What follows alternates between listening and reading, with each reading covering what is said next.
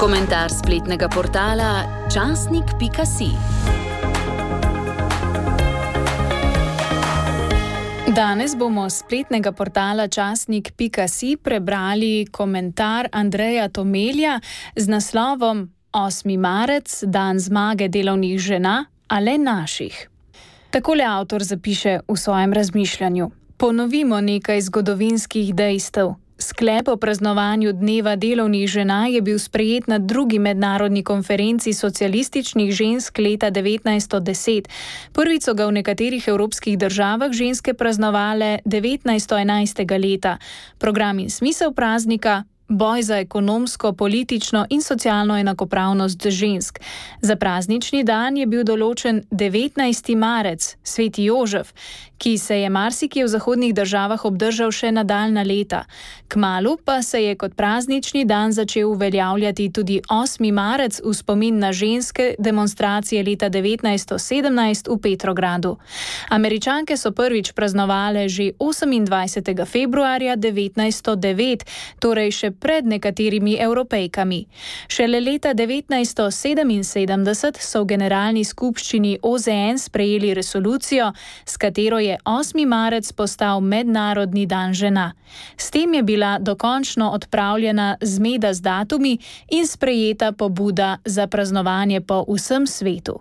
Kako je s praznovanjem v muslimanskih državah, lahko samo ugibamo. Na kateri dan v marcu so naše ženske praznovale v prvi Jugoslaviji, ukolikor sploh so, je težko zanesljivo trditi. Vsekakor je bil dan žena v senci materinskega dne, to je 25. marca.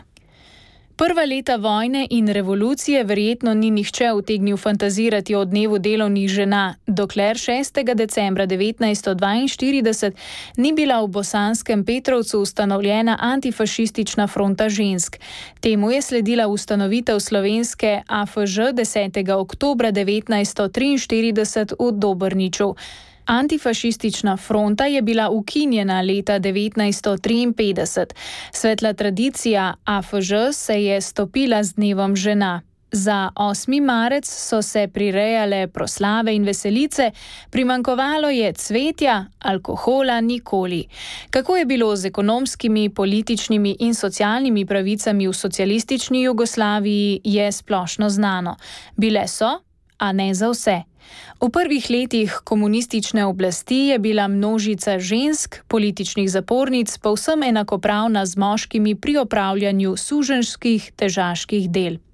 Ob splošni volilni pravici je bil glavni dosežek leta 1974 z ustavo zapisana pravica vseh žensk do splava, ki ni ne ekonomska, ne politična, ne socialna pravica, ampak je pravica ženske do odločanja o lastnem telesu, načrtovanja družine in svobodnega odločanja o rojstvu otrok.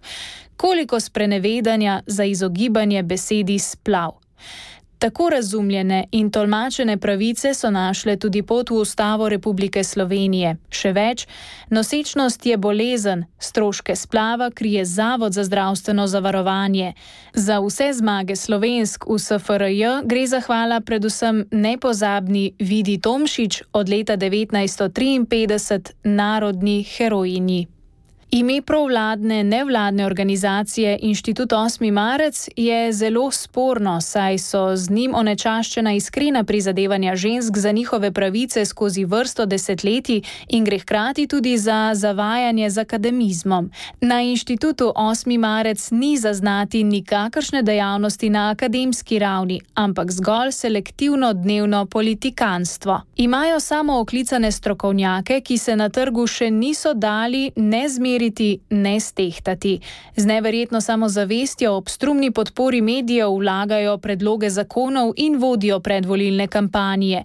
Prosto zidari delujejo tajno, inštitut 8. marec pa javno vsem na očeh in v posmeh. Tako imenovani inštitut naj bi se ukvarjal z vprašanji, ki izhajajo iz imena 8. marec, torej s pravicami oziroma perečimi vprašanji žensk. Niti pisnil ni v primerih, ko je morala lekarnarica pri županu kupiti delovno mesto ali ko so se morale mlade umetnice v fotopabu žrtvovati za najviše umetniške cilje. Podpora medicinskim sestram, vzgojiteljicam, prodajalkam in sobaricam se jim preprosto ne splača, ker jim iz državnega korita to ne bi bilo plačano. Prej nasprotno. Ne gre spregledati, da je inštitut svojega ustanovitelja Simona Maljevca izstrelil na mesto ministra Ministrstva za solidarno prihodnost. Slovenske državljane zanima solidarna sedanjost, kje je še prihodnost. Bleferke in koristolovke, vsekakor pa zmagovalke, ki 8. marca lahko praznujejo dan zmage piše na spletnem portalu časnik.si Andrej Tomel in nadaljuje. V Sloveniji ni nikakršne potrebe in razloga, da bi 8. marca zganjali patetiko o ženskih pravicah in lajnali o diskriminaciji na osnovi spola. Dejstvo je, da je enakopravnost žensk že zdavnaj dosežena, enakost spolov pa je seveda nemogoča in ostaja na ravni ideološke izmišljije in to kljub nasilju v slovnici in pravopisu. Ženske v Sloveniji prevladujejo v družbenih podsistemih, kot so vzgoja in izobraževanje, sodstvo, zdravstvo in sociala. Celo katoliška crkva plava s tokom, tako da ima slovenska škofovska konferenca po novem za tajnico žensko. V lanskem letu so ženske dobile neverjetno moč in vpliv v politiki. Predsednica republike, predsednica državnega zbora, zunanja ministrica, ministrica za kulturo, za infrastrukturo, za kmetijstvo, za pravosodje, za javno upravo. Le ministrica Emilija Stojmenova Duh je pri ukinitvi bonov za računalniško izobraževanje in opremo izgubila toliko energije, da na fototerminih kljub svoji balkanski lepoti daje vtis klinično mrtve osebe. V državnem zboru s svojimi nastopi izmedle večine uporabnikov glasovalnega gumba, ob nekaj moških izstopajo prav ženske predsednica Urška Klakočar Zupančič, podpredsednica Nataša Sukič, Jelka Godec in Mojca Pašek Šetinc. Ne pozabimo na Vesno Vukovič in njen neverjetno močan vpliv na predsednika vlade ter, kot pravijo poznavalci, tudi na svobodo v državnem zboru. Čestitamo, zmagale ste! Kot rečeno, bodo letos slovenke na 8. marca praznovale dan zmage, zlasti političarke in nevladnice, ne nazadnje tudi spomenka Hribar in Ljudmila Novak.